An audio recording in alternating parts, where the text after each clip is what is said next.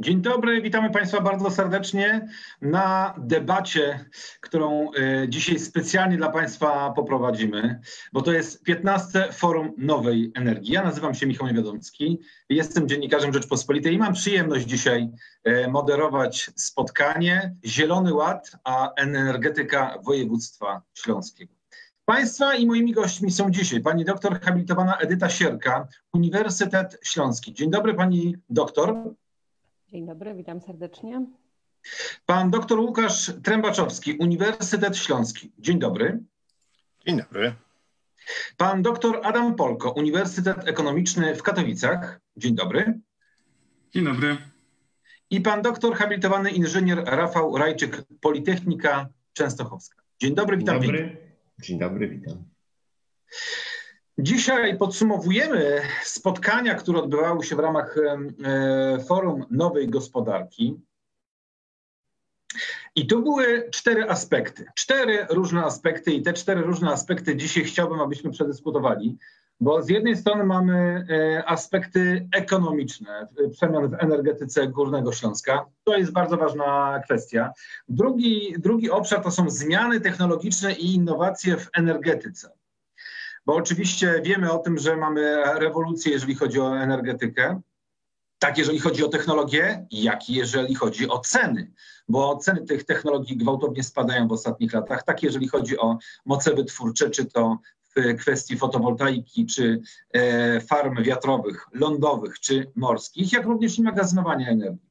Kolejny aspekt to oczywiście aspekty środowiskowe przemian technologicznych, i innowacji w energetyce na Górnym Śląsku. I kwestia piąta, piąte warsztaty, czwarta, przepraszam, które się odbyły, to e, aspekty społeczne przemian technologicznych e, w sektorze energetyki na Górnym Śląsku. Cztery bardzo ciekawe, bardzo fajne warsztaty, na których dyskutowano właśnie o tych aspektach, aspektach szalenie ważnych, tak jeżeli chodzi o Górny Śląsk, również jeżeli chodzi w ogóle o energetykę w naszym kraju. Województwo śląskie to oczywiście serce przemysłowe Polski, to również serce energetyczne, wytwórcze, jeżeli chodzi o wytwarzanie energetyki, wytwarzanie energii elektrycznej, no ale również źródło surowca dla tej energetyki, bo ponad 70% energii pozyskujemy ze spalania węgla. E, na Śląsku wydobywany jest e, węgiel e, kamienny, a oczywiście w innych regionach Bełkatów czy Turów i jeszcze Wielkopolska Wschodnia to oczywiście węgiel brunatny. Ja bym poprosił, y, żebyśmy zaczęli od kwestii aspektów ekonomicznych przemian w energetyce, bo oczywiście z jednej strony widzimy tutaj w tych wnioskach z tego warsztatu, że utrzymuje się tendencja y, pomniejszania udziału generacji paliw stałych w strukturze produkcji energii elektrycznej i rośnie OZE. OZE w systemie naszym elektroenergetycznym, y, którym zarządza, zarządzają polskie sieci elektroenergetyczne. W tym systemie Oczywiście e, dominujące, jakby pierwszeństwo mają źródła e, odnawialne.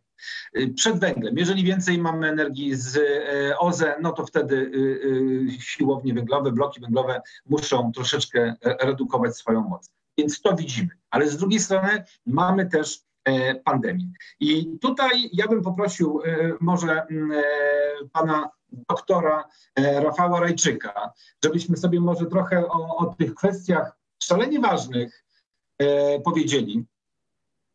E, bo pan na Politechnice Częstochowskiej zajmuje się kwestiami energetyki. Ja bym może od, od tego byśmy może, może zaczęli. Jakie perspektywy dla rozwoju energetyki odnawialnej są w województwie śląskim?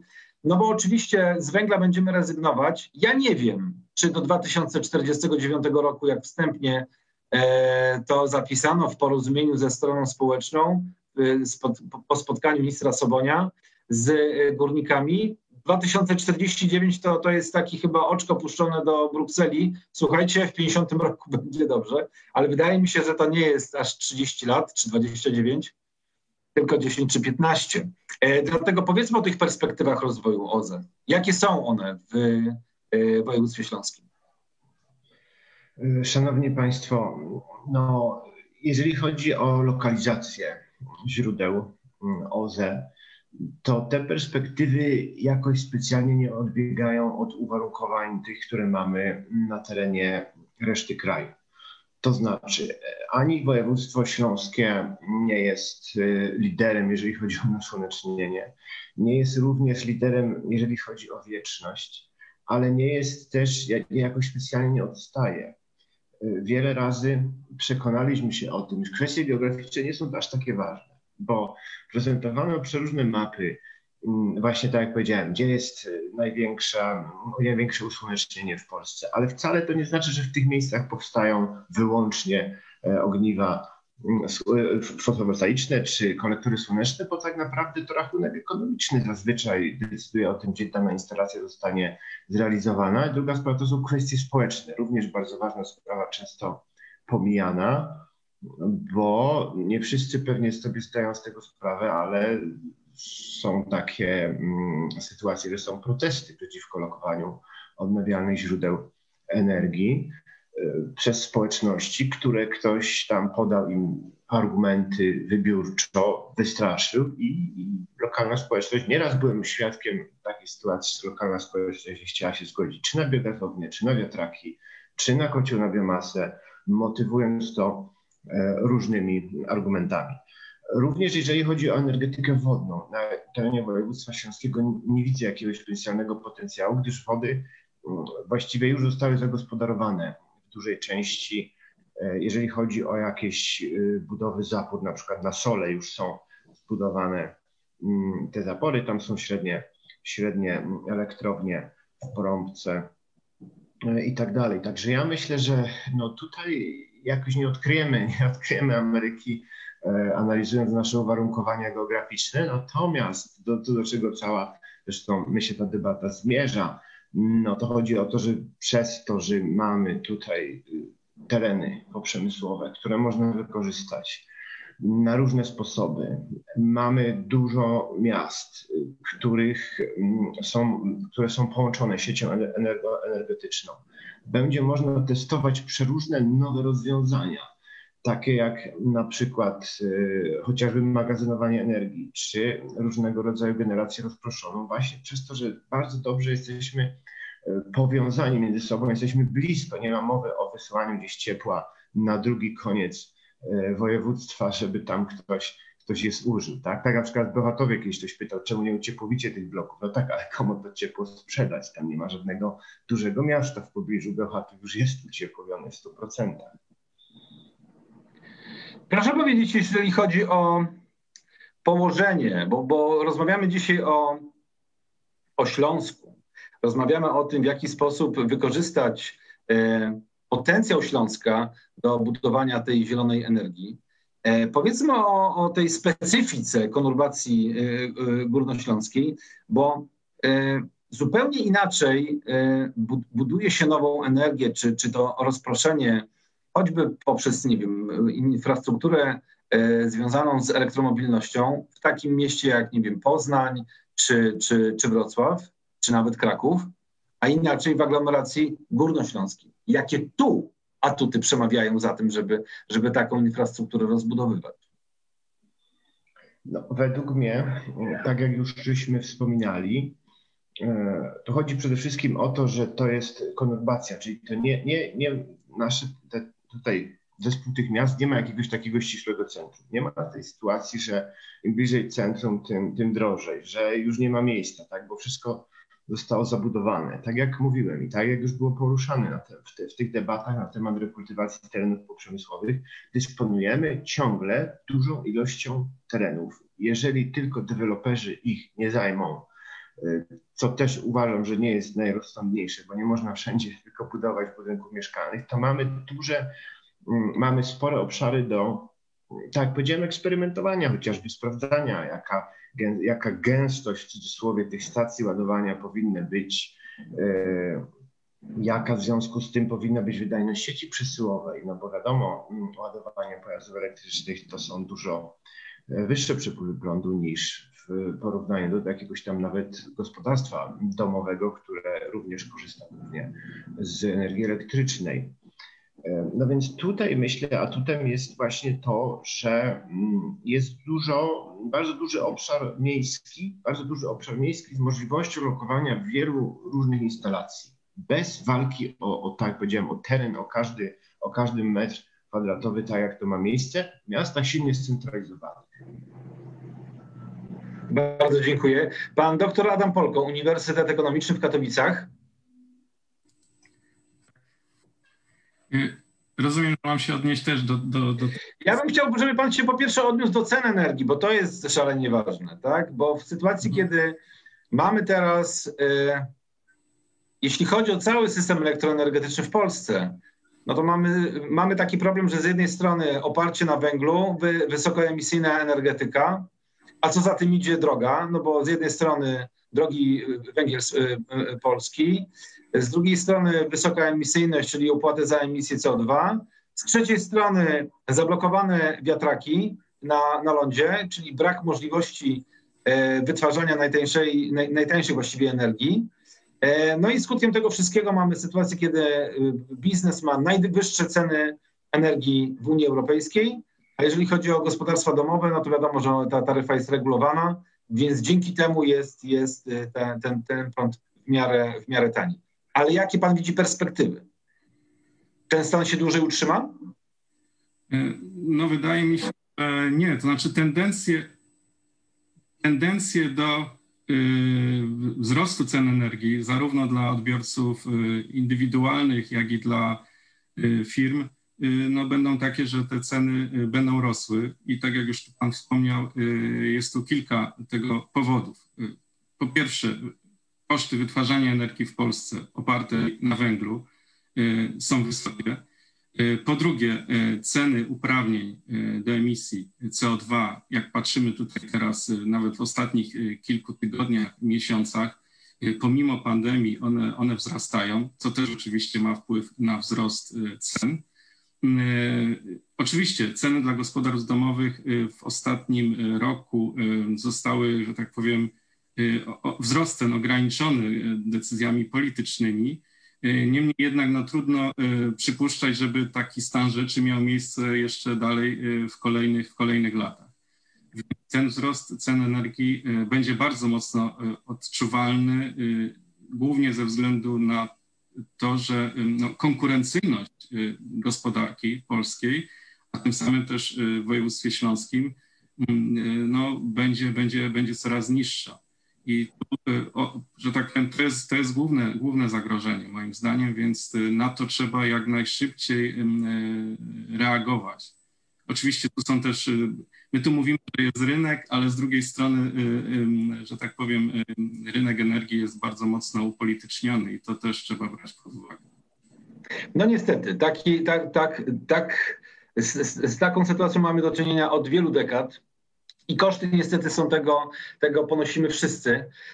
Ja bym chciał, żebyśmy się odnieśli do e, podsumowania warsztatów drugich, czyli zmiany technologiczne i innowacje w energetyce. I tutaj był bardzo ciekawy wniosek, ja po, pozwolę sobie go przytoczyć, że wyposażenie wszystkich odbiorców źródła OZE nie wydaje się możliwe. Przykładem są osiedla bloków, gdzie przestrzeń jest oczywiście ograniczona do zagospodarowania, ale to oczywiście nie oznacza, że nie, ma, e, nie mogą uczestniczyć ci odbiorcy w prosumenckim rynku energii. I tu wskazanie jest na, e, na to, że można przenieść miejsce wytwarzania ciepła z ciepłowni do odbiorców, wykorzystując technologię pomp ciepła. Pana zdaniem, panie doktorze, e, w związku z tym, że ciepłownictwo, o którym się w Polsce mniej mówi, ale ono oczywiście wymaga też szalenie e, dużych nakładów, bo po prostu ono jest też oparte na, na, na, na węglu i, i te ciepłownie są nierentowne to przeniesienie i rozproszenie energetyki również na Śląsku jest e, prawdopodobne w najbliższych latach? Rozumiem, że to dalej jest e, pytanie do mnie. Tak jest, tak. Ja, ja o to pana pytam jak najbardziej. Mhm. E, tak, wydaje mi się, że pójście w kierunku tej takiej energetyki prosumenckiej jest dobrym, dobrym rozwiązaniem. Pomimo, że na niektórych, znaczy gospodarstwa domowe takie operujące w domach jednorodzinnych mają możliwości tworzenia takich mikroinstalacji. Jeżeli chodzi o budynki wielorodzinne, to jest możliwość, tak jak tutaj pan y, profesor y, Rajczyk wspomniał, y, korzystania z terenów, które niekoniecznie są w bezpośrednim sąsiedztwie chociażby tych budynków mieszkalnych, tych wspólnot mieszkaniowych, spółdzielni powiedzmy, ale te, te, te, te, te, te miejsca tych instalacji mogą być położone chociażby na terenach poprzemysłowych, które i tak zwykle niekiedy sąsiadują z, z terenami mieszkaniowymi Specyfiką Górnego Śląska jest to, że tereny poprzemysłowe są często w bezpośrednim sąsiedztwie centrów miast, śródmieść. Oczywiście tu jest kolejna ta rzecz, o której też już pan profesor wspomniał, a mianowicie rzeczywiście w niektórych przypadkach istnieje ten efekt NIMBY, czyli not in my backyard, tak? Czyli owszem, realizujcie pewne inwestycje, ale nie, nie w moim bezpośrednim sąsiedztwie, nie w moim ogródku. E, ja sam miałem kiedyś okazję też zetknąć się z takimi e, studiami przypadków, że sąsiad sobie e, pół działki, na, na połowie działki zamontował panele fotowoltaiczne i sąsiad z boku powiedział, że to wpływa negatywnie na wartość jego nieruchomości, jego domu, no i sprawa trafiła do sądu. Ale wydaje mi się, że to jest efekt takiej trochę też jeszcze nowości, Wydaje mi się, że e, to, że w naszym krajobrazie tutaj województwa śląskiego będą pojawiały się e, wiatraki, będą pojawiały się e, farmy fotowoltaiczne czy instalacje na, na dachach domów, to za, teraz może niektórzy mówią, kurczę, no co to jest, psuje, że tak powiem, może ład przestrzenny i tak dalej. Wydaje mi się, że za pięć lat to będzie tak powszechne, że, że ten efekt taki negatywnego sąsiedztwa e, w ogóle już nie będzie brany pod uwagę, wręcz przeciwnie.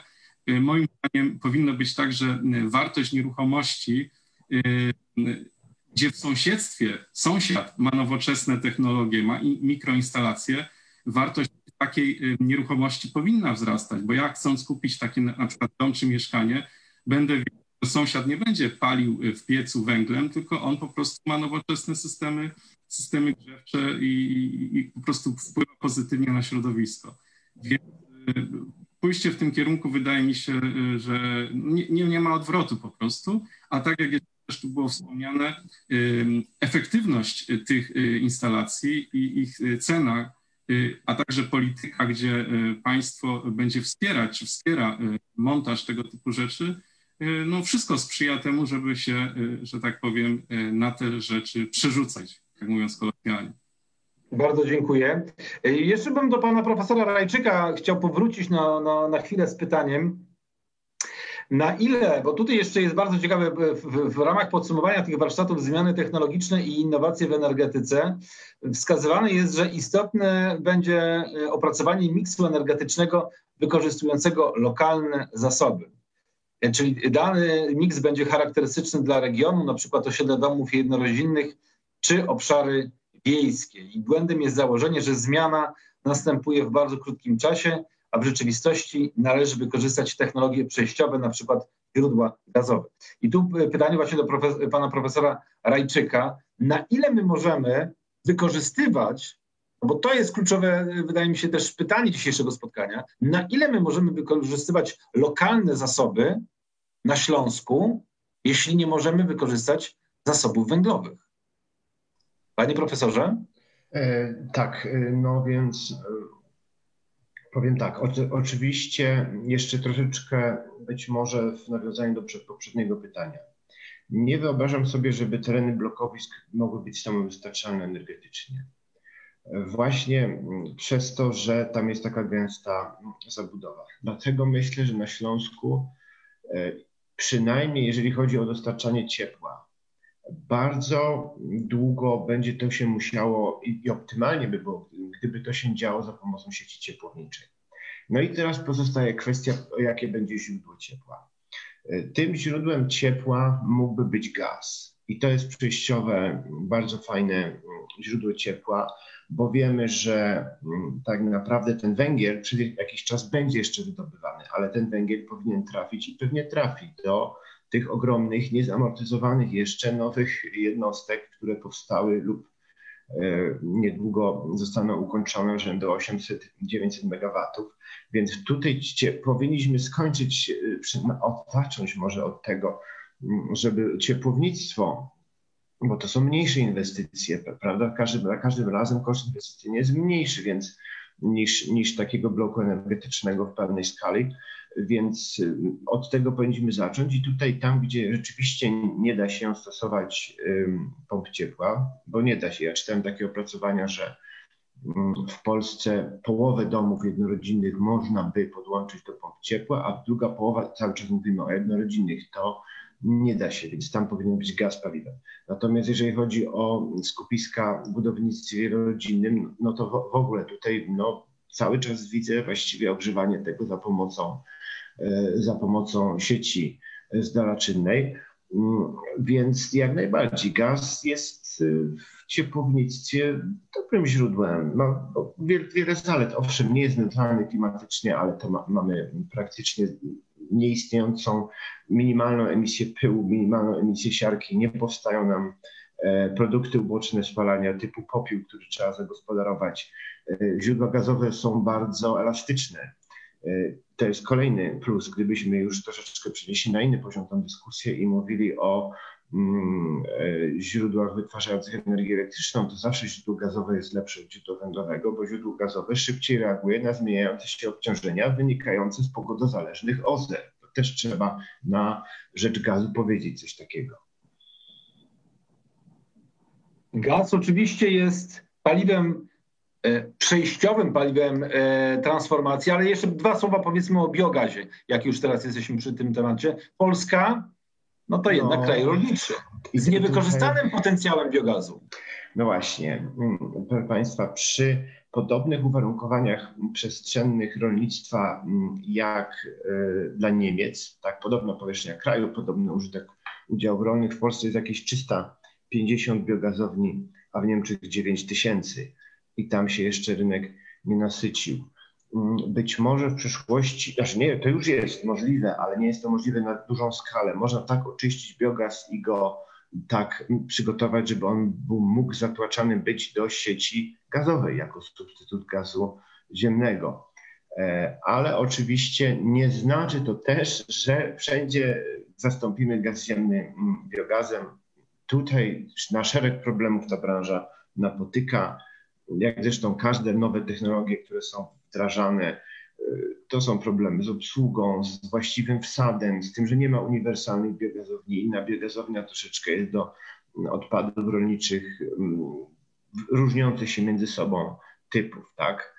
Ale cały czas prace są intensywne, jakieś tam prowadzone i ja tutaj bardzo duży potencjał widzę, ponieważ biogaz ma również wiele zalet, chociażby taką zaletę, że pozbywamy się odpadów, które w innym przypadku na różne małe ekologiczne sposoby są e, użytkowane, czy to proces odzysku R10, gdzie osady ściekowe są e, nadmiernie na pola e, wysypywane, czy nawet gnojowica również w podobny sposób jest utylizowana. To nie jest dobre. Lepiej to skierować do biogazowni.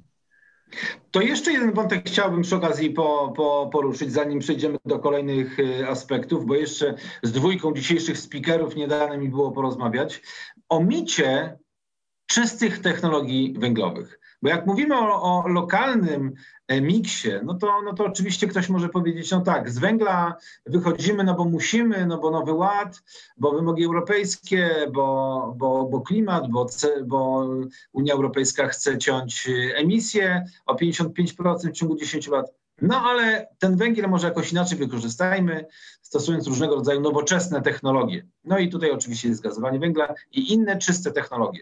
Pan się temu przygląda naukowo. I co pan na ten temat sądzi? Tak, więc ja bym powiedział tak, że nie ma czegoś takiego jak czysta technologia węglowa. Może być czystsza technologia węglowa, ale w dalszym ciągu ona będzie generować zanieczyszczenia. Moim zdaniem, to jest moje zdanie, te technologie, o których jest od pewnego czasu mowa, nigdy nie wejdą na wielką skalę, nie uratują węgla i nigdy nie będą opłacalne. Czy proces zgazowania, czy też proces e, tak zwanego carbon capture and storage, czyli wychwytywania i składowania mm, podziemnego lub innego dwutlenku węgla, jest po pierwsze procesem skomplikowanym technicznie. Z tego wynika nieopłacalność. Skoro spalać węgla się już nie opłaca, co jest prostą technologią i bardzo dobrze rozpoznaną, to co dopiero, kiedy wejdziemy w technologie wymagające bardzo aktywnej obsługi i jeszcze dodatkowo w niektórych przypadkach zatłaczania gdzieś tego e, powstałego gazu, na co też się lokalne społeczeństwa nie chcą zgodzić. Nie, nie uratują nas czyste technologie węglowe mm, i od węgla trzeba będzie odejść i im się za to zabierzemy szybciej i z większym przekonaniem, tym lepiej nam to wyjdzie. Nie, nie pokładałbym tutaj nadziei w tym, że nagle jakiś cudowny sposób wymyślimy na pozbywanie się problemów wszystkich związanych z technologią spalania węgla. Bardzo dziękuję. E, teraz zapraszam e, tutaj panią doktor habilitowaną Edytę Sierkę z Uniwersytetu Śląskiego. Dzień dobry, pani doktor. Dzień dobry, witaliśmy się już dzisiaj. Mam... Bardzo mi miło państwa słyszeć. Mam nadzieję, że panią też jakoś zobaczymy za chwilkę. A nie widzą mnie państwo? Jeszcze pani nie widzę. Widzę panią. Mm. No to chyba nic więcej nie mogę zrobić. O, teraz już panią teraz widzimy. jest dobrze. dobrze. Tak jest, tak jest. Eee, bardzo się cieszę, że, że, jesteśmy, że jesteśmy w takim, w takim gronie, bo aspekty środowiskowe przemian technologicznych i innowacji w energetyce na Górnym Śląsku to był temat trzeciego warsztatu. Ja bym chciał teraz z panią troszeczkę na, na te tematy porozmawiać, bo pamiętam takie spotkanie no ujawnię to nazwisko, bo, bo, bo, bo, był to polityk jest znany. Nie wiem do końca, czy aż tak, e, czy aż tak lubiany, ale znany. E, był to minister środowiska, pan Kowalczyk, który mówi, no Kato Śląsk to takie piękne, zielone województwo, a Katowice to w ogóle piękne, zielone miasto. No szkoda, że ten COP będzie w grudniu, rozmawialiśmy równo dwa lata temu, no bo tej zieleni tak już nie jesteśmy w stanie pokazać. Katowice się oczywiście bardzo zmieniają. Śląsk również się zmienia, ale na początek, co możemy zrobić, żeby ten Śląsk był bardziej zielony? Czy ja myślę, że mm, bardzo często używamy sobie takich bardzo ładnych słów, które określają wszystko, a w efekcie y, określają wszystko. Może tak to można by było ująć. Bo Zielony Śląsk w jakim rozumieniu? E, proporcji e, przypadających, nie wiem, metrów, hektarów lasów na mieszkańca, e, Zielony Śląsk w kontekście technologii, które są wykorzystywane, podglądanie przyrody, jak ona sobie radzi z różnymi trudnymi sytuacjami, a miała bardzo dużo czasu, żeby się tego nauczyć w procesach ewolucyjnych również. Czy mówimy o tym Śląsku Zielonym w kontekście świadomości społeczeństwa? Czy mówimy o Zielonym Śląsku wtedy, kiedy mówimy o zielonym węglu i przepraszam za to określenie, ale, ale takie też jest. Czyli mówimy o tym, że właśnie czystsze technologie, jak to słusznie pan profesor zauważył, e, będziemy mogli nazywać takim właśnie zielonym węglem. E, więc trudno mi jest tutaj się jednoznacznie odnieść, o czym to mówimy. Ja może sprecyzuję. Jeżeli mówimy o, o Zielonym Śląsku. Tak jest. E, porozmawiajmy może o, o tej kwestii terenów pogórniczych, czy jeszcze górniczych, mhm. no, które trzeba będzie zmienić. No, bo tutaj pan e, profesor Rajczyk też o tym wspominał. Znaczy ja... Wiele terenów e, tych industrialnych znajduje się w centrach miast. No tak po prostu Śląsk został zbudowany. I pytanie jest też takie, jak się, jak się nie wiem, czasem ja akurat kupowałem ostatnio samochód na Śląsku, no i, i wjeżdżam do, do jednego z miasteczek i patrzę i po prostu no, nie jestem do tego przyzwyczajony, że te tereny po, pogórnicze, pokopalniane zostawiają taką, takie spustoszenie środowiskowe. No straszy, mówiąc krótko, tak? E, I, i, i, i odwiedzając ten Knurów e, nieopodal Gliwic, no po prostu byłem e, no, lekko przerażony i tak pomyślałem sobie, to dobrze, że dzisiaj będę mógł z Państwem o tym pogadać, jakie są e, szanse na to, żeby tam po prostu było więcej zieleni, ale jaki też jest pomysł na to, żeby ta rekultywacja jednak się odbywała w miarę sprawnie i szybko. Jesteśmy na to przygotowani? Znaczy, ja myślę, że y, jeżeli chodzi o mm, sferę badań naukowych, y, ja akurat reprezentuję jednostkę naukową, my bardzo dużo wiemy na temat funkcjonowania tych obszarów. Też chciałabym tutaj bardzo mocno rozróżnić tereny, na których stoi infrastruktura poprzemysłowa, czyli pozostałości po jakichś halach produkcyjnych, nie wiem, wieże wyciągowe i tego typu rzeczy, a E, a zupełnie inaczej będziemy postrzegać i większy inny potencjał będą niosły obszary, które my powszechnie nazywamy hałdami albo terenami takimi, które e, są zalewane, bo osiada teren i, tam się gromadzą wody powierzchniowe. Jako przyrodnik uważam, że te tereny mają ogromny potencjał. One są niezwykłym poligonem badawczym z tego względu, że mamy, obserwujemy gwałtownie postępujące zmiany klimatu i może się okazać, że właśnie te hałdy powęglowe, może te właśnie miejsca, gdzie, gdzie zachodzą bardzo nietypowe, bardzo nietypowymi mechanizmami te procesy przyrodnicze, one mogą być świetnym odzwierciedleniem tego, co nas czeka w szerszej skali. W związku z tym y, podkreślam to, że myślę, że naukowo, ciągle zresztą prace naukowe trwają na ten temat. My już dużo więcej wiemy niż wiedzieliśmy 30 lat temu, kiedy były standardowe procedury rekultywacyjne, czyli na tereny nawieść żyznej gleby, posadzić drzewa, posiać trawy i zostawić, prawda? My w tej chwili powinniśmy te procesy, wszystkie i te działania przeprowadzać w sposób niezwykle rozsądny, po to, żeby wzmacniać coś, co się ładnie nazywa ecosystem services. Ma to pewnego rodzaju y, odzwierciedlenie również i, i w kwestii społecznej, i w kwestii ekonomicznej, dlatego że y, usługi ekosystemów, jakie możemy kreować na tych terenach, one mają swoją wartość ekonomiczną, jak się okazuje. To nie są pieniądze, które będziemy lokować w banku, ale nikt z nas się nie zastanawia nad tym, że chociażby właśnie przebywając na zielonym terenie, jesteśmy w stanie e, resetować nasze umysły po intensywnym wysiłku, na przykład intelektualnym, i dzięki temu poprawia nam się jakość życia. Ja już nie będę wspominać o kwestii wiązania właśnie czy sekwestracji węgla e, w podłożach takich terenów mówimy też o kwestiach retencjonowania wody. Oczywiście te sprawy, o których Pan mówi, czyli ten problem środowiskowy, że rzeczywiście to są często tereny bardzo mocno zanieczyszczone, mocno oddziałujące na elementy środowiska i zdrowie człowieka również. Ale wydaje się, że część z nich rzeczywiście miałaby potencjał, żeby nam służyć, czyli wykorzystać to, że to jest tak naprawdę no my to ładnie nazywamy szkoda pogórnicza, tak? czy szkoda górnicza, żeby ona ten swój potencjał, żeby wykorzystać ten potencjał na naszą korzyść de facto. Są takie miejsca, które myślę, że y, my jeszcze nie wiemy, co z nimi zrobić i pewnie długo jeszcze nie będziemy wiedzieć. E, przyroda nam zawsze trochę podpowiada, w którą stronę możemy iść, tylko na to trzeba czekać bardzo długo. E, ale moim zdaniem przede wszystkim należałoby porządnie zinwentaryzować te obszary, i zobaczyć, jaki one niosą potencjał. Bo są takie miejsca, które powinny zostać i zostać dla, dla przeszłych pokoleń pozostawione jako tak zwane dziedzictwo tego regionu. I są takie miejsca, które myślę, że, że warto by było e, w ten sposób potraktować. One też miałyby w tym momencie jakiś tam sposób na, e, na istnienie i byłyby uzasadnione w całości.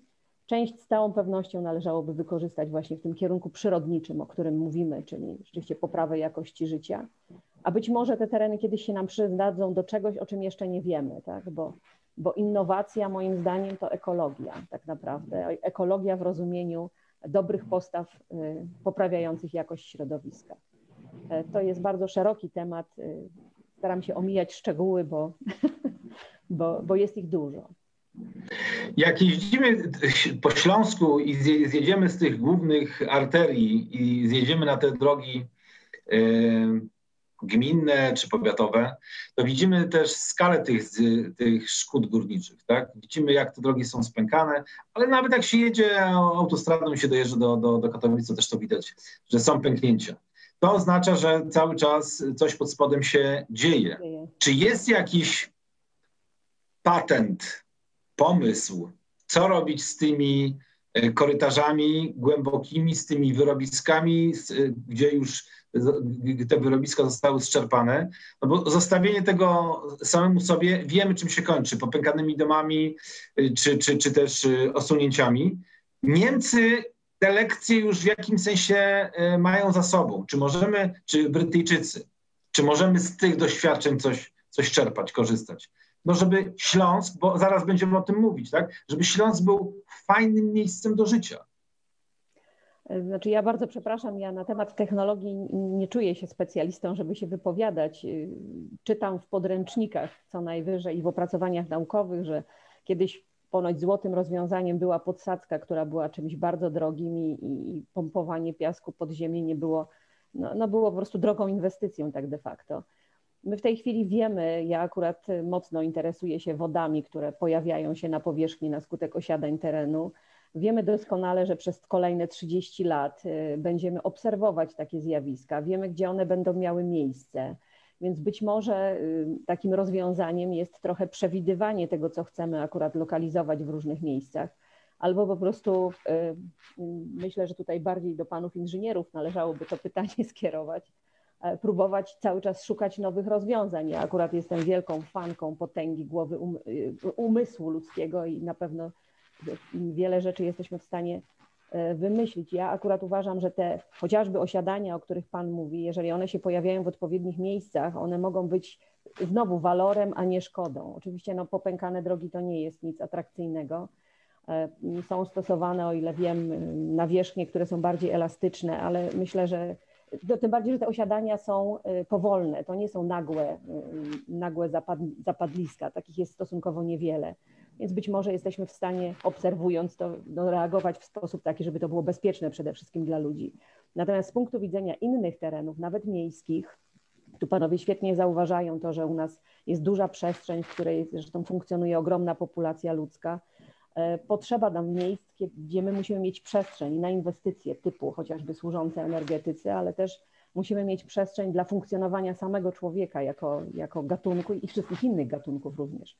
E, I wydaje się, że te tereny, które osiadają i dają jakiś potencjał chociażby gromadzenia wody, jesteśmy regionem, który z wodą ma ogromną, ogromny problem, to też może być dla nas jakiś tam, e, jakieś rozwiązanie in plus w efekcie, czyli może bardzo optymistycznie tutaj próbuję pokazać ten obraz zniszczeń Śląska, ale wydaje się, że jesteśmy na tyle specyficznym regionem, że powinniśmy to, powinniśmy to umieć przekuć w nasz atut w dużej mierze, oczywiście borykając się z tysiącem problemów technologicznych, społecznych, finansowych, czyli ekonomicznych. To ja mam jeszcze jedno pytanie, jeśli mogę. To tutaj w tych, w tych wnioskach z tego warsztatu aspekty środowiskowe przemian technologicznych i innowacji w energetyce na Górnym Śląsku zapisano oddanie części miasta dzikiej przyrodzie. W jaki sposób może to się odbyć na Śląsku? Pani profesor.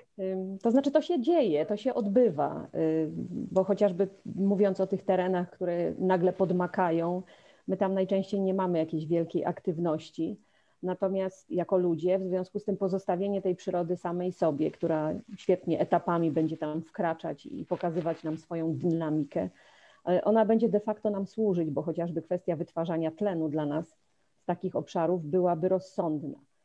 Wydaje się, że mm, powinniśmy mieć dokładnie przeanalizowane, jaki procent takiego obszaru miejskiego przy odpowiednim e, zaludnieniu, znaczy przy wiedzy o tym, jakie jest zaludnienie, czyli ilu mamy, ilu mamy mieszkańców, na jakim obszarze oni są zgromadzeni, e, to mówi się już o tym bardzo mocno, że powinniśmy mieć przelicznik na tak zwaną e, przestrzeń biologicznie czynną. I my tutaj sprowadzamy ją często do trawników i do E, kratek zamiast płytek betonowych. Natomiast ta przestrzeń, która, o której powinniśmy myśleć jako o biologicznie czynnej, to nie powinna być tylko przestrzeń, która jest w stanie być, być zielona w sensie trawnika i, i, i ewentualnie potrafić, e, czy, czy, tam, czy być miejscem, gdzie wsiąka woda, tylko ona powinna też pełnić określone funkcje przyrodnicze. E, ja jestem jak najbardziej za. Sukcesja, czyli proces naturalnego wkraczania roślinności, potem zwierząt i, i grzybów i wszystkich innych organizmów za tym, jak gdyby w tym toku postępowania rozwoju e, ekosystemów, ona nam zawsze będzie dążyła w stronę lasu. Taki mamy klimat i, i zawsze będziemy w tę stronę lasu iść. A lasy, jak wiemy, też są świetnym elementem, który potrafi wiązać dość znaczące ilości dwutlenku węgla, który da, cały czas jest problemem ja przyznam szczerze, jak e, słyszę o roku 49, to jestem e, zbudowana bardzo i życzę, żeby się to udało, żebyśmy już w 49 nie mieli, e, nie mieli węgla. Natomiast myślę, że to jest jeszcze bardzo długa droga przed nami, tak bym to może ujęła. I I, I, mamy niepowtarzalną szansę, żeby nie popełniać błędów, które mogą nam potem zaważyć na całości działań, które uważam, że są słuszne. I tu bardzo, bardzo dziękuję za to, że takie seminaria się odbywają i że, że rozpatrujemy to z różnych aspektów. Ja cały czas nieustająco monituję, że środowisko jest właściwie bazą wyjściową do wszystkiego. Chociaż koledzy geolodzy zawsze mówią, że węgiel to też rośliny, ale, ale trochę starsze, tak? W związku z tym y, liczę na to, że te starsze rośliny ustąpią miejsca nowym roślinom i, i, chociażby kwestia tych terenów właśnie biologicznie czynnych będzie mogła być zasobnikiem na przykład biomasy do wytwarzania energii. Bardzo dziękuję pani profesor. Przejdźmy teraz do e, podsumowania czwartych warsztatów, czyli aspekty społeczne e, przemian technologicznych. I tutaj bardzo proszę, e, aby głos zabrał pan dr Łukasz Trębaczowski, Uniwersytet Śląski. Dzień dobry panie doktorze. Dzień dobry. Dzień dobry państwu. Witam pana serdecznie. Na początek weźmy sobie gminy pogórnicze bo te gminy pogórnicze oczywiście gorzej się rozwijają. Mam tu na myśli choćby Piekary czy, czy Bytom co zrobić, żeby te gminy nie zostawały w tyle i żeby one były faktycznie beneficjentami, wygranymi transformacji sprawiedliwej, a nie przegranymi. Mhm. E, na, temat, na ten problem e, trzeba spojrzeć wielopłaszczyznowo, dlatego że to jest w zasadzie jeden z węzłowych problemów, z którymi będziemy się zmagać. E, pod względem społecznym, pod względem e, jakby społecznych skutków e, przemian, które będą zachodziły. Problem ten jest o tyle wielopłaszczyznowy, że mm, wyzwaniem, które dla województwa jest chyba największe w ciągu powiedzmy kilku dekad, jest jego wyludnianie się. A gminy pogórnicze mają no, znacznie wyższy wskaźnik wyludniania się w porównaniu do pozostałych gmin w związku z tym odpływ mieszkańców z tych e, miejscowości jest wyższy. Należy się spodziewać, że dokładnie tak samo będzie z tymi gminami, w których e, w tej chwili kopalnie funkcjonują, a później w przyszłości ich nie będzie. Więc grozi takim gminom coś, co będzie funkcjonowało jak gospodarka emerycka. E, tak? Czyli wyjeżdżają przede wszystkim młodzi ludzie, Pół biedy, jeśli to jest jeszcze migracja wewnątrz województwa, czyli mm, migracja powiedzmy do innych miast województwa, gorzej, jeśli to już jest migracja poza województwo i ci, ci ludzie wypływają stąd mm, na stałe, e, no, takie gminy zaczynają jakby no, stawać się takimi miejscami o bardzo słabej dynamice rozwojowej. To znaczy nawet nie tylko, nie tylko pod kątem ekonomicznym, ale także społecznym. Tak? Czyli te gminy po prostu stają się takimi miejscami, w których no, zdominowanymi przez osoby e, starsze i ten, ten, problem się będzie nasilał. Więc to trzeba na to popatrzeć przez ten pryzmat. Co więcej, gminy mm, pogórnicze często nie mają wielu alternatyw, dlatego że mają kłopot z przyciąganiem jakichkolwiek inwestycji z powodu właśnie owych szkód górniczych. No i rodzimy Bytom jest chyba dobrym przykładem e, tego typu problemu.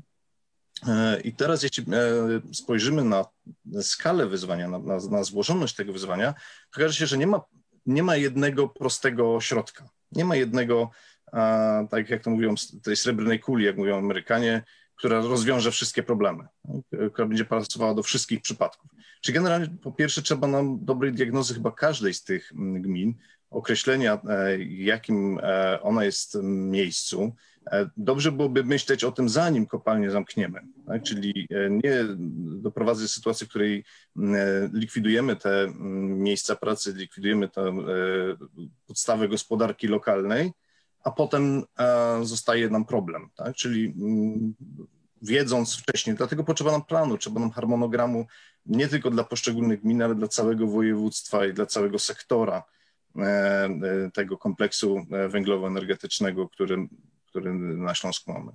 E, więc identyfikowanie takich mm, wyzwań, takich mocnych i słabych stron dla tych miejscowości może pozwolić e, przewidzieć jakieś funkcje dla tych miejscowości, jakieś nowe funkcje. E, tutaj uczestnicy warsztatu wskazywali na różne. Oczywiście być może funkcja e, turystyczna będzie trudna do zrealizowania, przynajmniej w niektórych przypadkach, ale już funkcja sypialniana w wielu tych gmin jest jak najbardziej możliwa. Czyli mm, możemy zatrzymywać mieszkańców, jeśli to będzie fajne miejsce do życia, jeśli będą chcieli tam pozostać w tych gminach. Tylko co musi być, co musi być w takim miejscu, mhm. żeby zatrzymać młodych? Bo o pracy sobie za chwileczkę pogadamy, bo pandemia pokazała, że niekoniecznie e, muszę pracować w Warszawie, muszę mieszkać w Warszawie, żeby pracować dla firmy, która jest, nie wiem, w Warszawie, czy mieszkać w Londynie, żeby pracować dla firmy w Londynie. E, o tym za chwileczkę, ale co musi być, jeśli chodzi o taką infrastrukturę, żeby młodzi powiedzieli, kurczę, to jest fajne miejsce do życia. E, dobrze, więc przede wszystkim e, ja bym powiedział, żeby nie ograniczać, nie ograniczać naszej perspektywy wyłącznie do młodych. Oczywiście oni są dla nas istotni, bo chcemy ich zatrzymać w regionie, ale tak naprawdę musimy myśleć w kategoriach cyklu życia. E, czyli kiedy mamy obecny model, taki modalny model wchodzenia w dorosłość, no to ona jest rozciągnięta w czasie. W związku z tym potrzebujemy dla tych ludzi z jednej strony miejsc, które będą atrakcyjne no, zabawowo w, w tych funkcjach e, rozrywkowych. E, mamy potężną konkurencję w postaci Krakowa, który nie jest odległy.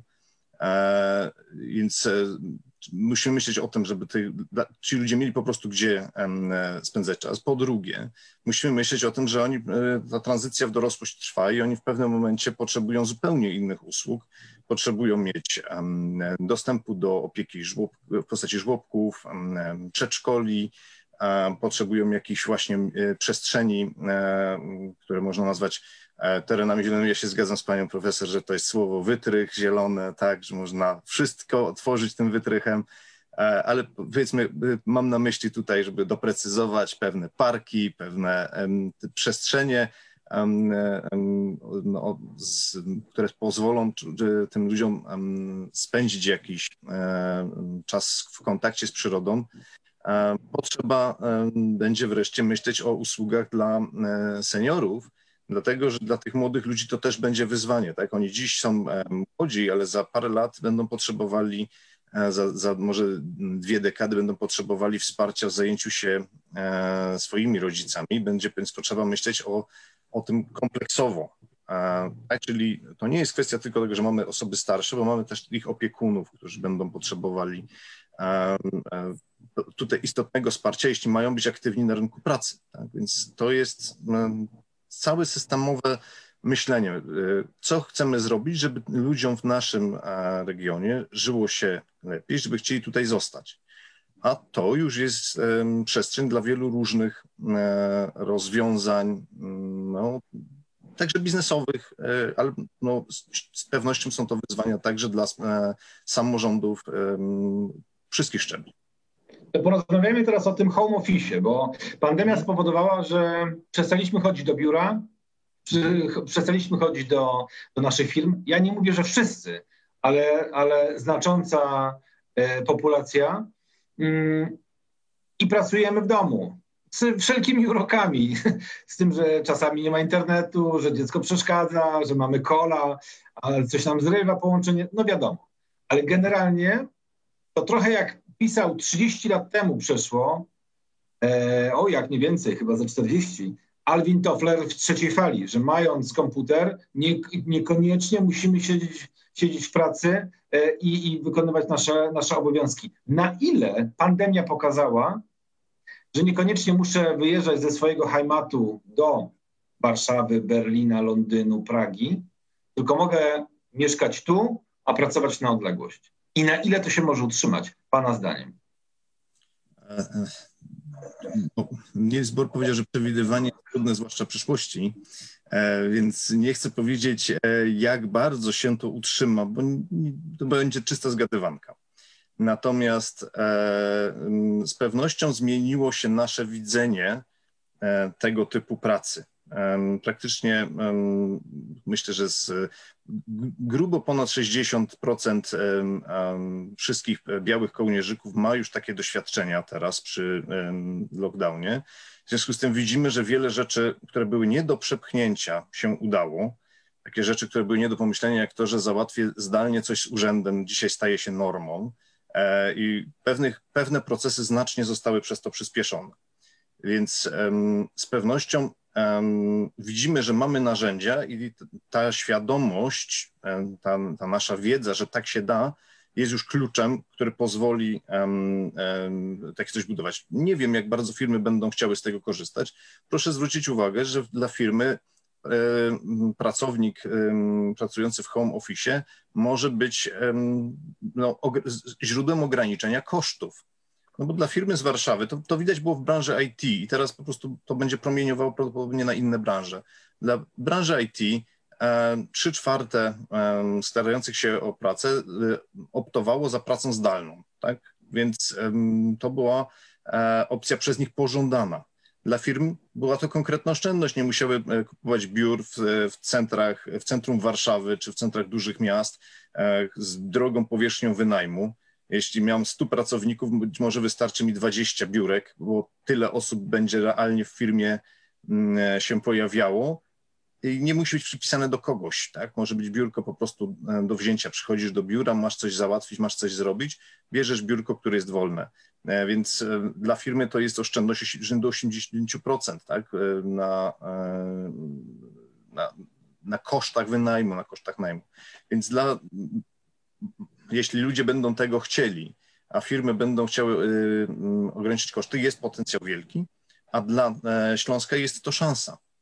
E, dla Śląska jest to szansa, bo można e, zatrzymać tych ludzi, którzy będą chcieli wyjechać, którzy będą mieli odpowiednie kompetencje e, i zatrzymamy ich tylko wtedy, kiedy oni uznają, że tak, tu jest moje miejsce, to, to jest przestrzeń dla mnie oswojona, tu się dobrze żyje, zarabiając nawet jeśli mniej niż w Warszawie, ale mając znacznie niższe koszty życia niż w Warszawie, Mówię Warszawa, ale tak naprawdę mam myśli każde duże miasto, e, które wy, wy, wysysa e, e, tych młodych ludzi.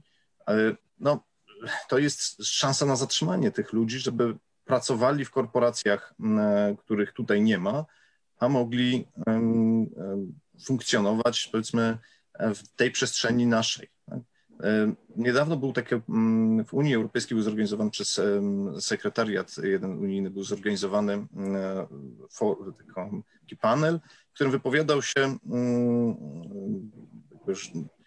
osoba z Ostrawy, z regionu śląsko-morawskiego, e, odpowiedzialna za te procesy, mówi, że oni doznawają drenażu mózgów.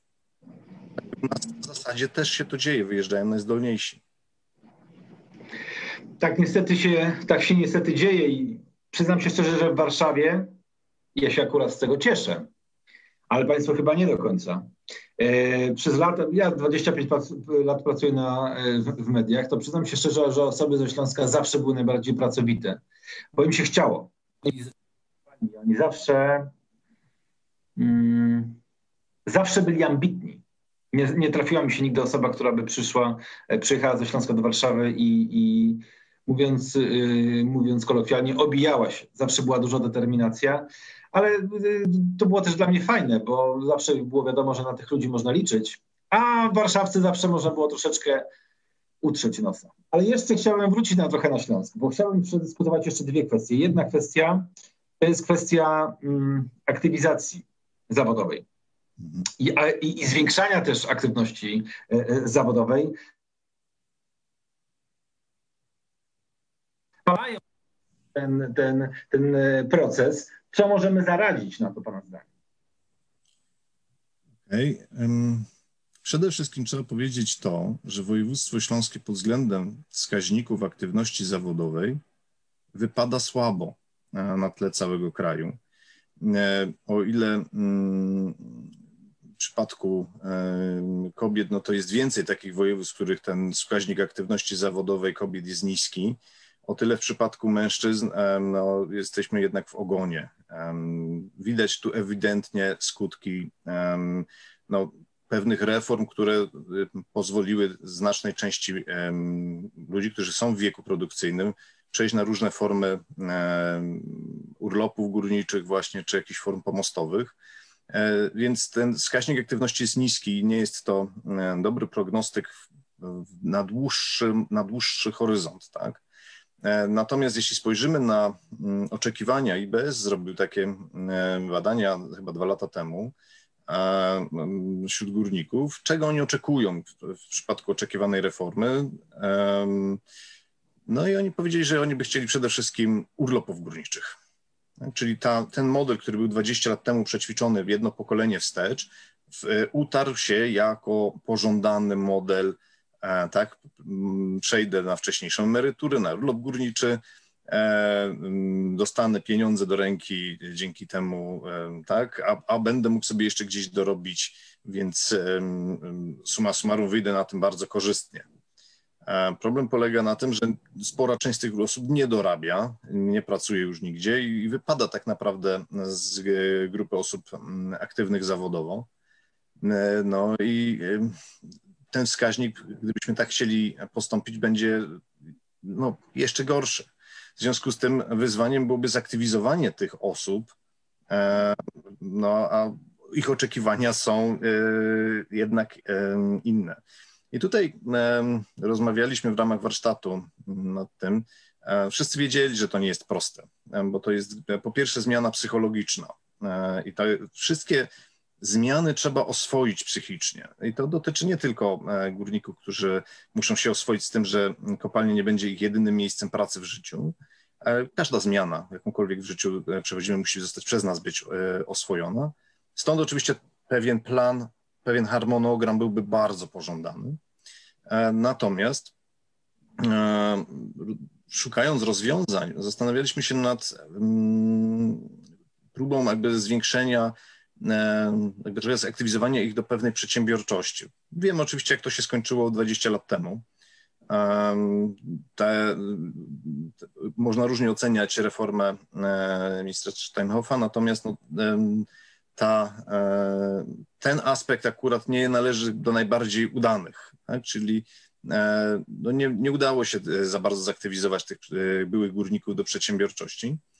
Natomiast można podpatrywać, jak robili to Brytyjczycy, czy Niemcy, czy Holendrzy, którym się to udawało nieco lepiej. I tutaj takim modelem może być pewna gwarancja, czyli zapewnienie tym ludziom, że tak jak Niemcy na przykład zrobili, że po dwóch latach, do dwóch lat możesz wrócić. Także jeśli otworzysz swój biznes, nie cię, nie, nie uda ci się osiągnąć samodzielności w tym biznesie, do dwóch lat możesz wrócić. Daje to pewne poczucie bezpieczeństwa, nie muszą zaryzykować wszystkim. Drugie rozwiązanie, które możemy podpatrzeć, to mm, mentoring.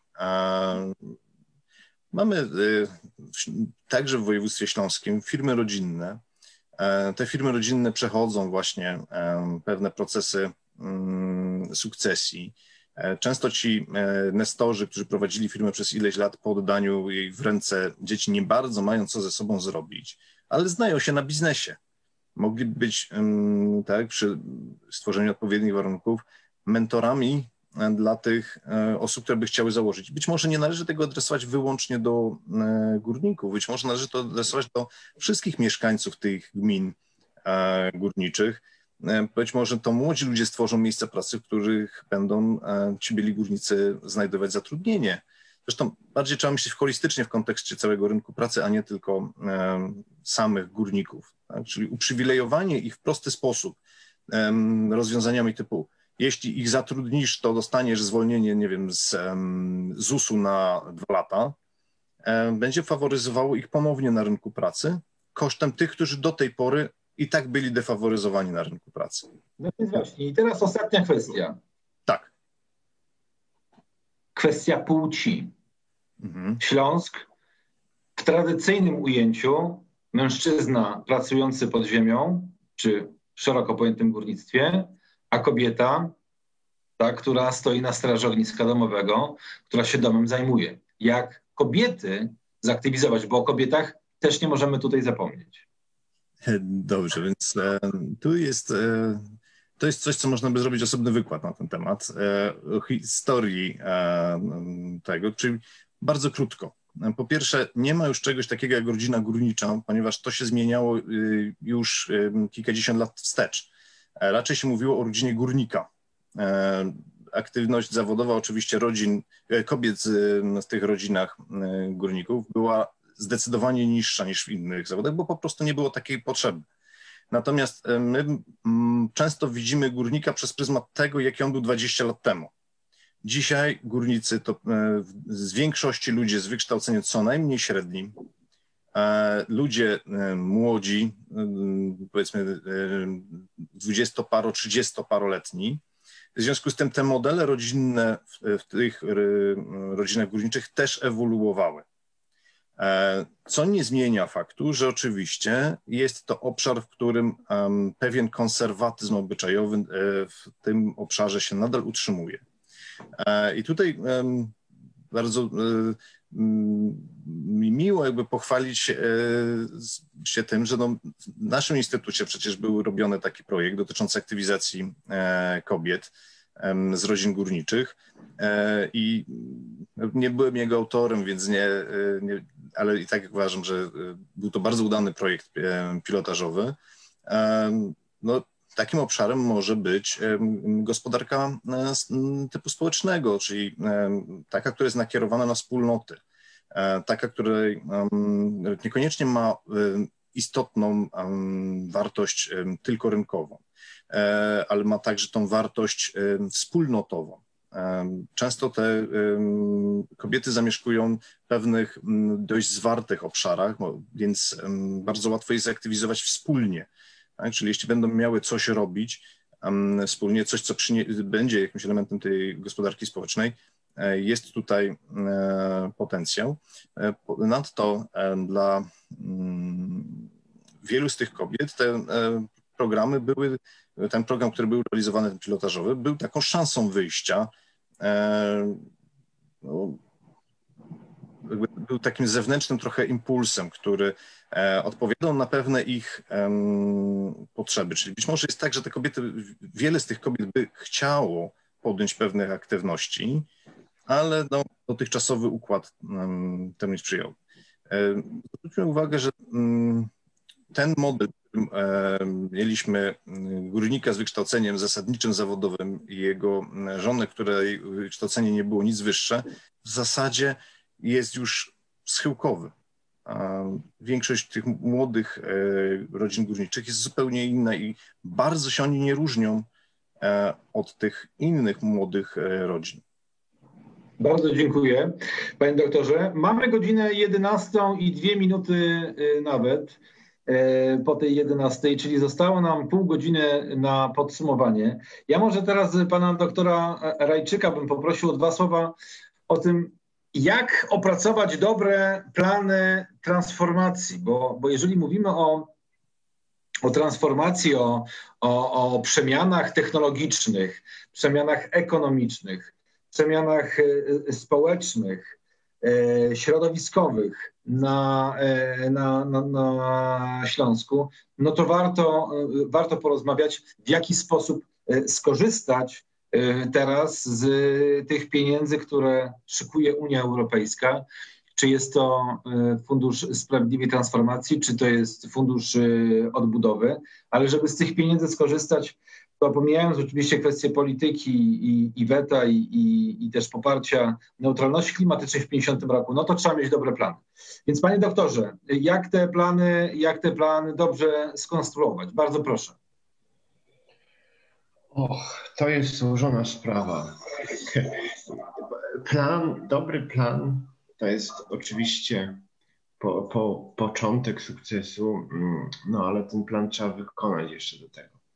I bardzo często było tak, że ja widziałem różne bardzo ciekawe pomysły, a potem rachunek ekonomiczny i zdanie dużych grup energetycznych tak przeważyło. Więc mm, co my sobie tutaj zaplanujemy? No oczywiście no, powinniśmy to, co wszystko zostało poruszone podczas dzisiejszej debaty, myślę, że każdy jeden element jest niezmiernie istotny chociażby mm, jak te sprawy związane z ekologią. Ja też bym e, uważam, że je powinno się wpisać. Nie tylko sprawy związane z energetyką, ale też te sprawy związane z ekologią, bo tutaj my e, w odniesieniu do województwa śląskiego nie rozmawiamy tylko e, o, prawda, o branży górniczej, chociaż może tak się wydawać, że troszkę się koncentrujemy na tym, ale to jest też na przykład jakość życia właśnie, sprawy społeczne, I jeżeli ta transformacja pójdzie w tym kierunku, że tereny tutaj miast w naszej aglomeracji będą przyjazne, będą ekologiczne, będą czystsze, to tu ktoś będzie chciał się, ktoś będzie chciał tu zamieszkać, ktoś będzie chciał tu zostać, prawda? A jeżeli my pójdziemy w stronę mm, takiego, jakby to powiedzieć, e, no buduj, buduj, byle się opłaciło, co zresztą widzieliśmy, jak się to łatwo kończy, chociażby studiując te wnioski z tej, z tej pandemii. To nie jest sztuka nastawiać biurowców, a na drugi dzień się okazuje, że połowa najemców nie chce korzystać z tych biur, ponieważ, ponieważ okazuje się, że można pracować zdalnie. Więc ja myślę, że te plany to nie tylko powinny dotyczyć energetyki, ale to powinny, oczywiście o tym rozmawiamy, tak, ale również powinny dotyczyć takich rzeczy jak właśnie środowisko, jak społeczeństwo, żeby to było wszystko fajnie powiązane. A wracając do, do tej transformacji, to tak, no chciałem zwrócić uwagę na taką bardzo ważną sprawę, że te pieniądze, które są e, opłaty za pozwolenie na emisję CO2, tak naprawdę powinny one zostać skierowane na mm, wprowadzanie technologii niskoemisyjnych, a tymczasem one się jakoś rozpływają w budżecie. I w związku z tym my sami, sami płacąc za emisję CO2 powinniśmy sobie sfinansować tą transformację, a tymczasem e, tak się składa, że m, tak się nie dzieje. E, więc być może to, co pan redaktor powiedział, no, musimy na pewno skorzystać z tych funduszy unijnych. Bez tego nie wyobrażam sobie, żebyśmy mogli zgromadzić takie środki. Jeżeli nie jesteśmy w stanie zgromadzić środków na budowę jednej elektrowni jądrowej od wielu lat, to dopiero na przejście połowy czy też całej gospodarki, tak jak to Zielony Ład zakłada, na całkowitą bezemisyjność.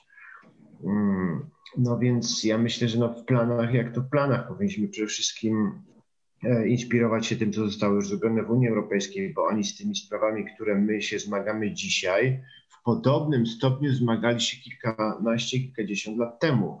Przecież też były kraje, w których wydobycie węgla było bardzo wysokie e, i jakoś to zostało rozwiązane. W jednych krajach to było mniej społecznie akceptowalne, w innych bardziej społecznie akceptowalne.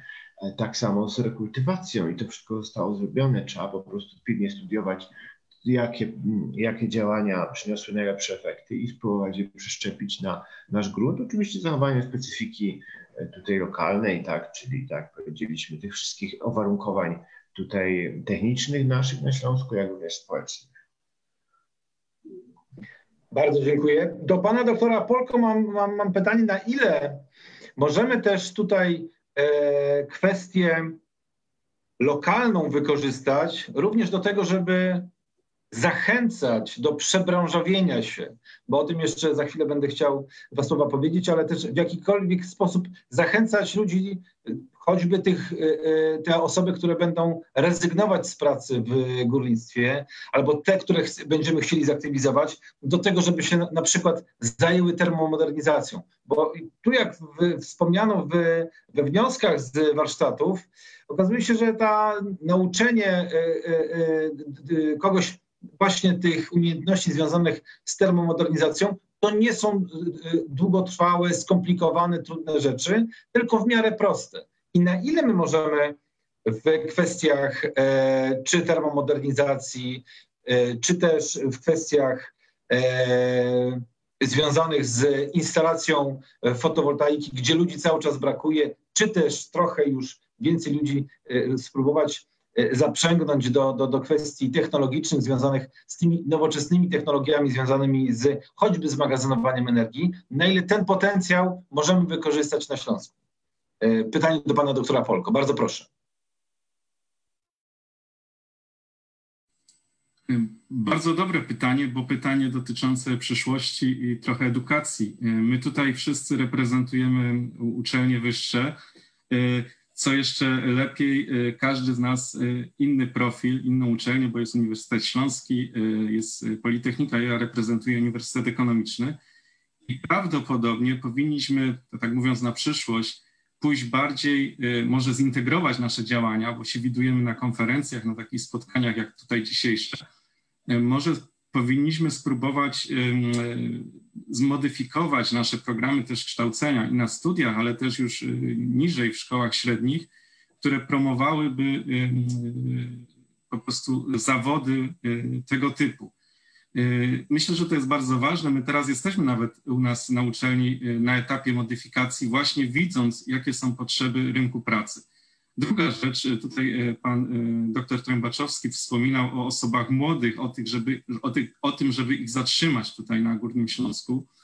My też mamy kontakt w zasadzie cały czas z, z, z młodymi ludźmi i widzimy, że to młodzież przede wszystkim jest tym, tą grupą w naszej tutaj społeczeństwie, która jest tą grupą proekologiczną, tak?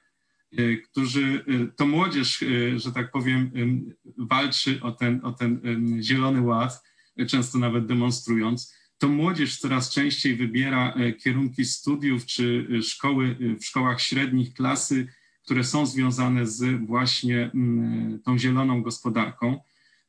To młodzież wreszcie coraz bardziej akcentuje, że dla nich bardzo ważne jest oprócz pracy jakość życia, Y, czyli to, żeby tutaj na Górnym Śląsku było czysto, było bezpiecznie.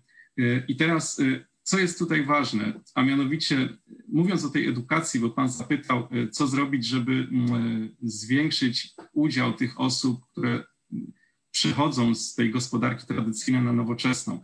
Ja tu widzę też jedno zagrożenie, a mianowicie na dzisiaj mamy takie coraz bardziej chyba nierówności społeczne. Mamy tych y, bogatszych, którzy idą w te nowoczesne technologie, w tą energetykę często prosumencką, ale nie zapominajmy, że mamy całe osiedla, dzielnice osób, które są coraz bardziej wykluczone, wykluczone i cyfrowo, i, i też tak energetycznie. I chyba u nas na Górnym Śląsku, tutaj nawiązanie do tego, jaki program stworzyć, my powinniśmy przede wszystkim stworzyć program, żeby zadbać poprzez Zielony Ład i tą energetykę, y, żeby załatwić od razu sprawę, próbować przynajmniej załatwiać sprawę y, ograniczenia tego problemu wykluczenia społecznego, bo jeżeli z tym sobie nie poradzimy, no to całe nasze wysiłki takie biznesowe, edukacyjne mogą być bardzo problematyczne. Na koniec jeszcze bym dodał, e, podsumowując to, że, bo myśmy tutaj o tym Zielonym Ładzie tak de facto trochę mało powiedzieli, ale e, generalnie jest tak, że e, my traktujemy często Zielony Ład w Polsce jako, mówię o tej strategii Unii Europejskiej, jako, co, jako zagrożenie tak, interesów niektórych branż czy niektórych grup społecznych. A wydaje mi się, że to jest duży błąd, bo powinniśmy to potraktować jednak jako bardzo dużą szansę my w Polsce, będąc w Unii Europejskiej, po prostu mamy ogromną szansę, żeby w ramach tej strategii mm, e, po prostu zadziałać. E, dlatego, że ta strategia to nie jest strategia przeciwko komuś. To jest strategia, która wymusza niejako inwestycje w te najbardziej zaawansowane technologie i w, te takie, e, w ten taki rozwój gospodarczy, który no, zasadniczo na Górnym Śląsku, wykorzystując ten nasz potencjał i naukowy, i to, że y, biznes jest tutaj y, dużą taką nogą do rozwoju tego, tego regionu, my powinniśmy w zasadzie robić wszystko, żeby w ten zielony ład jak najbardziej, jak najbardziej tutaj wejść. Traktować go jako szansę, a nawet pandemia czy koronawirus pokazuje, że że to jeszcze bardziej powinno przyspieszyć. Tak? My powinniśmy tutaj, y, że tak powiem, nie czekać, tylko, tylko y, jak najbardziej y, iść w tym kierunku. Jak przeglądałem, przygotowując się trochę do dzisiejszego spotkania, portale czy jakieś publikacje dotyczące energetyki, bo są takie, tutaj nawet pojawiły się na naszej planszy jako tacy sponsorzy, czy, czy, czy ci, którzy promują ten, te, to nasze spotkanie. Tam 90% tekstów to jest o tym, że idźmy w Zielony Ład, pokazane jest, jakie są tego korzyści, e, jakie są tutaj tego szanse. I widzimy, że społeczeństwo też jakby no, ten temat, mówiąc kolokwialnie, kupiło, więc e, nasza rola jako pracowników naukowych i dydaktycznych jest taka, żeby po prostu to podtrzymywać i wzmacniać. Bardzo dziękuję. I teraz jeszcze do pana doktora Łukasza Trąbaczowskiego jedna kwestia, bo pan wspominał o, o reformie premiera Steinhoffa sprzed 20 lat, że kwestia tej przedsiębiorczości się nie do końca udała. Nie było takiego stymulanta, który by zachęcał odchodzących z pracy e, w górnictwie do tego, aby zakładali własne biznesy. To dwa słowa, jakby Pan mógł powiedzieć o tym, jakiego rodzaju, oprócz tego, że tam jest opcja powrotu, ale nam nie chodzi też o to, żeby górnicy wracali pod ziemię, ale w jaki sposób zachęcać, może jakiś program mentoringowy e, jednak zastosować, e, tak żeby te osoby, które pracowały u jednego pracodawcy, u jednej matki żywicielki, jaką była kopalnia, jednak zaczęli myśleć w kategoriach: OK, to teraz ja jestem sobie sterem, żeglarzem i okrętem. Biorąc pod uwagę, że no, na Śląsku jest ten silny etos pracy i tej samodzielności. Bardzo proszę.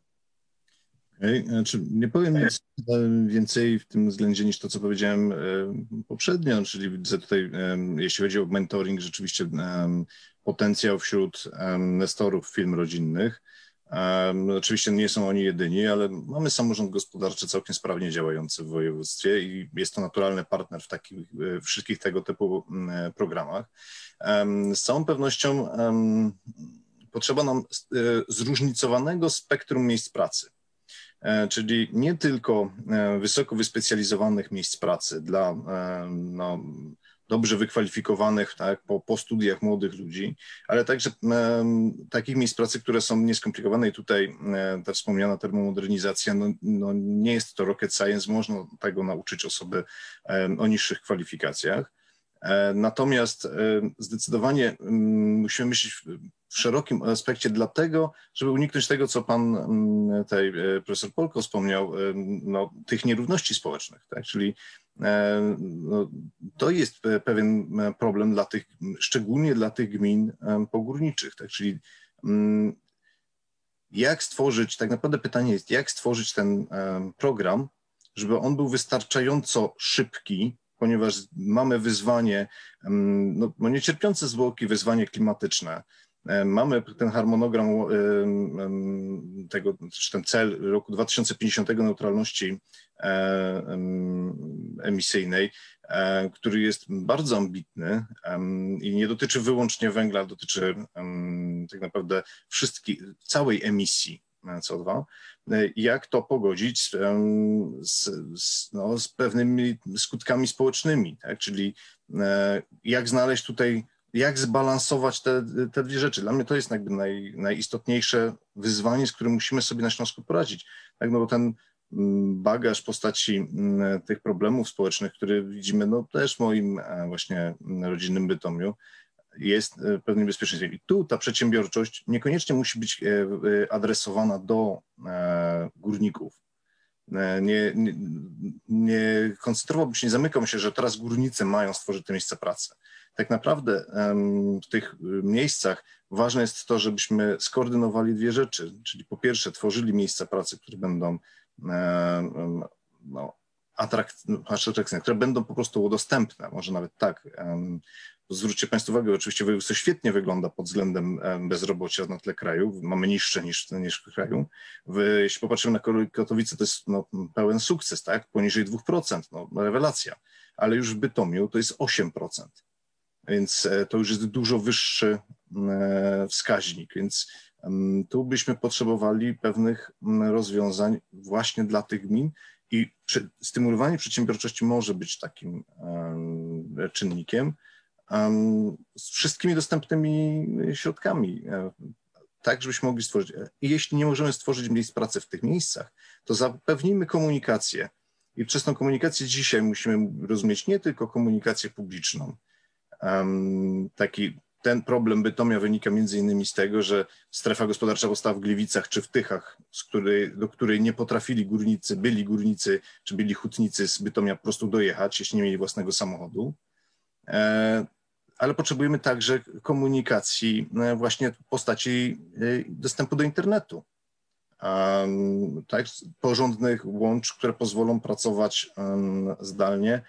E, istnieje też pewne niebezpieczeństwo tego, że po prostu będziemy mieli pewne miasta, dostaną jakby łatkę mm, stref, no powiedzmy, niebezpiecznych, takich, w których nie jest dobrze mieszkać, tak? Więc warto warczyć o ten wizerunek miast. Tak samo jak wizerunek całego regionu.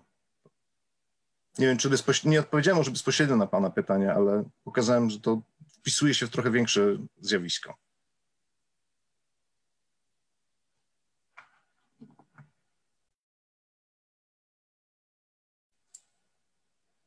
Nie wiem. Nie, Proszę włączyć mikrofon. Pana. Panie, panie dyrektorze, nie słychać Pana. Już, mam nadzieję, że teraz słychać. Halo? Dobrze. Pani profesor, y, pani pozwoli, że będzie pytanie lekko podchwytliwe, ale w piątek chyba sobie możemy na podchwytliwe pytanie pozwolić. Pani zdaniem, z punktu widzenia biologa, jakie jest największe wyzwanie dla nowego Europejskiego Zielonego Ładu w kontekście województwa śląskiego? Znaczy ja nie wiem, czy to jest, y, czy jestem w stanie y, szybko odpowiedzieć na to pytanie. Natomiast ja myślę, że powinien Śląsk zrobić wszystko, żeby się włączyć w ten ekosystem y, regionów, y, które są y, już jak gdyby po tej transformacji potężnej, znaczy tych regionów poprzemysłowych, korzystając z ich doświadczeń. Tak mi się wydaje. Mówiąc tutaj o tym ekosystemie i z racji tego, że zostałam wywołana do odpowiedzi jako biolog, uważam, że to jest, że powinniśmy stworzyć taki właśnie nasz własny ekosystem, który będzie Mm, funkcjonował według tych zasad, o których tutaj żeśmy co najwyżej nad, wspomnieli, bo to, to jest szersza przecież kwestia.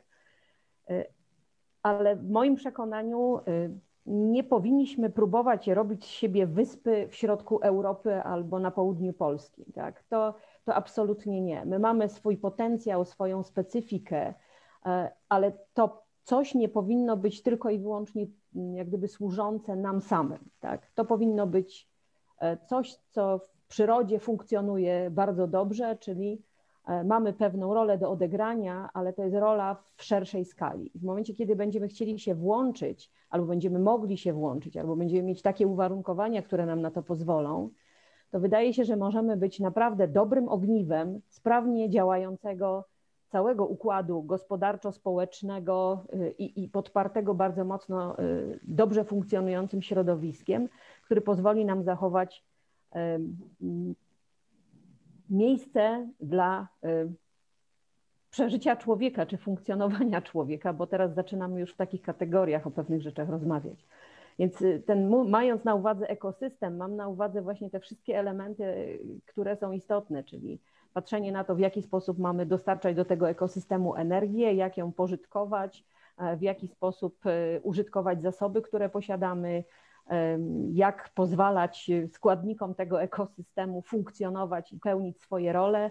I to, to jest bardzo trudne zadanie. Panowie mi dzisiaj jeszcze też uświadomili pewne rzeczy. Natomiast wydaje mi się, że, że nie jest to nie do zrobienia. Ja mam wrażenie, że czasami trochę wyobraźnia, która jest y, ograniczana albo dostępnością technologii, albo już rozwiązań, które znamy, y, nie pozwala nam spojrzeć szerzej na pewne problemy. E, I e, mogę tylko poprzeć to takim, e, takim przykładem. Pięć lat temu, kiedy tworzyliśmy studia podyplomowe z Politechniką Śląską, które nazywały się Energetyka Prosumencka, większość osób pytała nas, co to jest prosumencka, tak? O co chodzi? Dzisiaj już nikt nie ma wątpliwości, kto to jest prosument i co to jest energetyka prosumencka. Więc zgadzam się tutaj absolutnie z przedmówcami, że pewne rzeczy powinniśmy oswoić. Czyli moim zdaniem podglądajmy to, co zostało zrobione gdzie indziej, ale kierujmy się naszym własnym, e, naszym własnym pomysłem na to, żeby stworzyć porządnie funkcjonujący ekosystem Śląska. To jeszcze jedno, uzupełniające w takim układzie pytanie. Pani profesor, a na ile pani, no bo mieszka pani na Śląsku, na ile pani czuje, że władze samorządowe rozumieją to, o czym pani mówi? No ja mieszkam niestety w Zagłębiu, ale Aha. zakładam, że, że to jest, że, że podobną specyfikę mamy. Ja myślę, że jest e, różnie. Natomiast e, w moim przekonaniu coraz więcej osób e, mających możliwość zarządzania pewnymi działaniami czy ukierunkowywania pewnych działań ma świadomość, że tylko i wyłącznie dbanie, ja tutaj zajmę się tą swoją częścią, tak to nazwijmy, dbanie o stan środowiska, o jakość środowiska i, i miejsce właśnie w tym aspekcie dla życia mieszkańców może być tak naprawdę kluczowe dla rozwoju danej jednostki administracji publicznej. W związku z tym, moim zdaniem, nie jest, nie jest źle, ale na pewno jest lepiej niż było te pięć lat temu, o których wspomniałam. Natomiast my powinniśmy nieustająco edukować się nawzajem. I tutaj przyłączam się do tej propozycji połączenia sił. E, panie doktorze, zwracam się do pana Adama Polko, e, bo tylko interdyscyplinarność w tym wszystkim i spojrzenie rzeczywiście całościowe da nam szansę na dobre rozwiązanie. E, każdy z nas ma, pracując tylko i wyłącznie w swoim obszarze, niekoniecznie się przyczyni do tego dobrego ekosystemu Śląska. Bardzo dziękuję. I ja na koniec jeszcze bym wrócił do pana doktora Adama Polko, bo pan e, wspominał oczywiście o kwestii edukacyjnej, która jest szalenie istotna, szalenie ważna. E, I to nie tylko kwestia edukacji e, dzieci czy, czy młodzieży oraz studentów, ale też edukacja e, oczywiście społeczeństwa. E, jak choćby też i władz e, samorządowych. Natomiast ja bym jeszcze dwa słowa chciał powiedzieć, e, pana poprosić, żeby pan wspomniał, bo kończymy już, mam ostatnie trzy minuty naszego dzisiejszego spotkania, o ekonomii współdzielenia. Na ile ona jest ważna w kontekście dzisiejszego tematu, czyli Zielony Ład, a energetyka województwa śląskiego. Bardzo proszę. No, ekonomia współdzielenia to szeroki temat, ale w kontekście energetyki czy Zielonego Ładu y, pozwoli nam na pewno jako lokalnym społecznościom na osiąganie pewnych oszczędności, tak? Czyli na współdzielenie zasobów i współdzielenie też różnego rodzaju narzędzi, na przykład infrastruktury.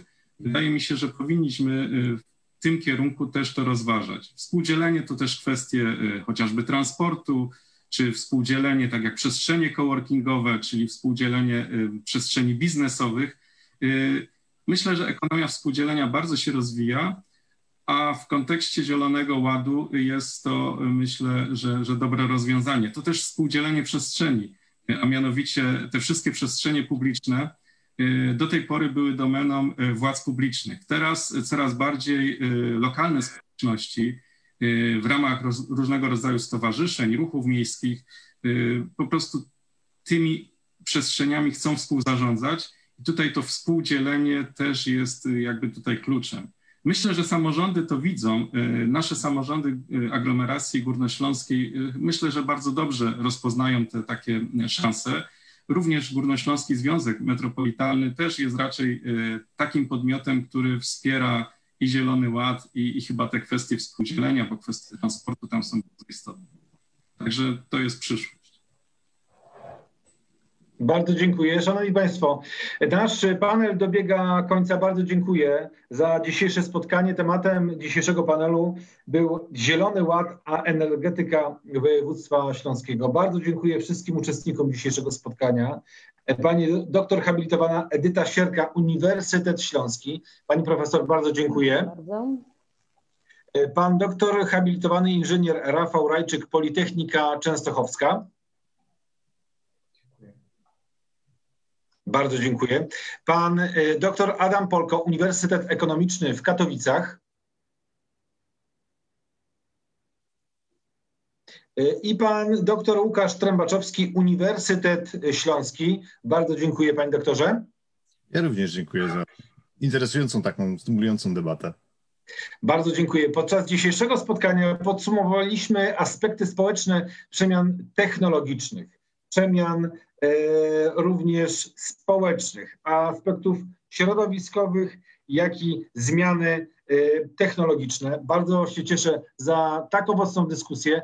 Powiem jeszcze, że dzisiejsze spotkanie to było e, debata ekspertów 15 Forum Nowej Gospodarki i to forum jest organizowane w ramach kreowania marki sieci regionalnych obserwatoriów specjalistycznych w związku z realizacją projektu pod tytułem Sieć Regionalnych Obserwatoriów Specjalistycznych procesie przedsiębiorczego odkrywania e, w ramach działania 1.4 profesjonalizacja regionalnego programu operacyjnego województwa śląskiego na lata 2014-2020.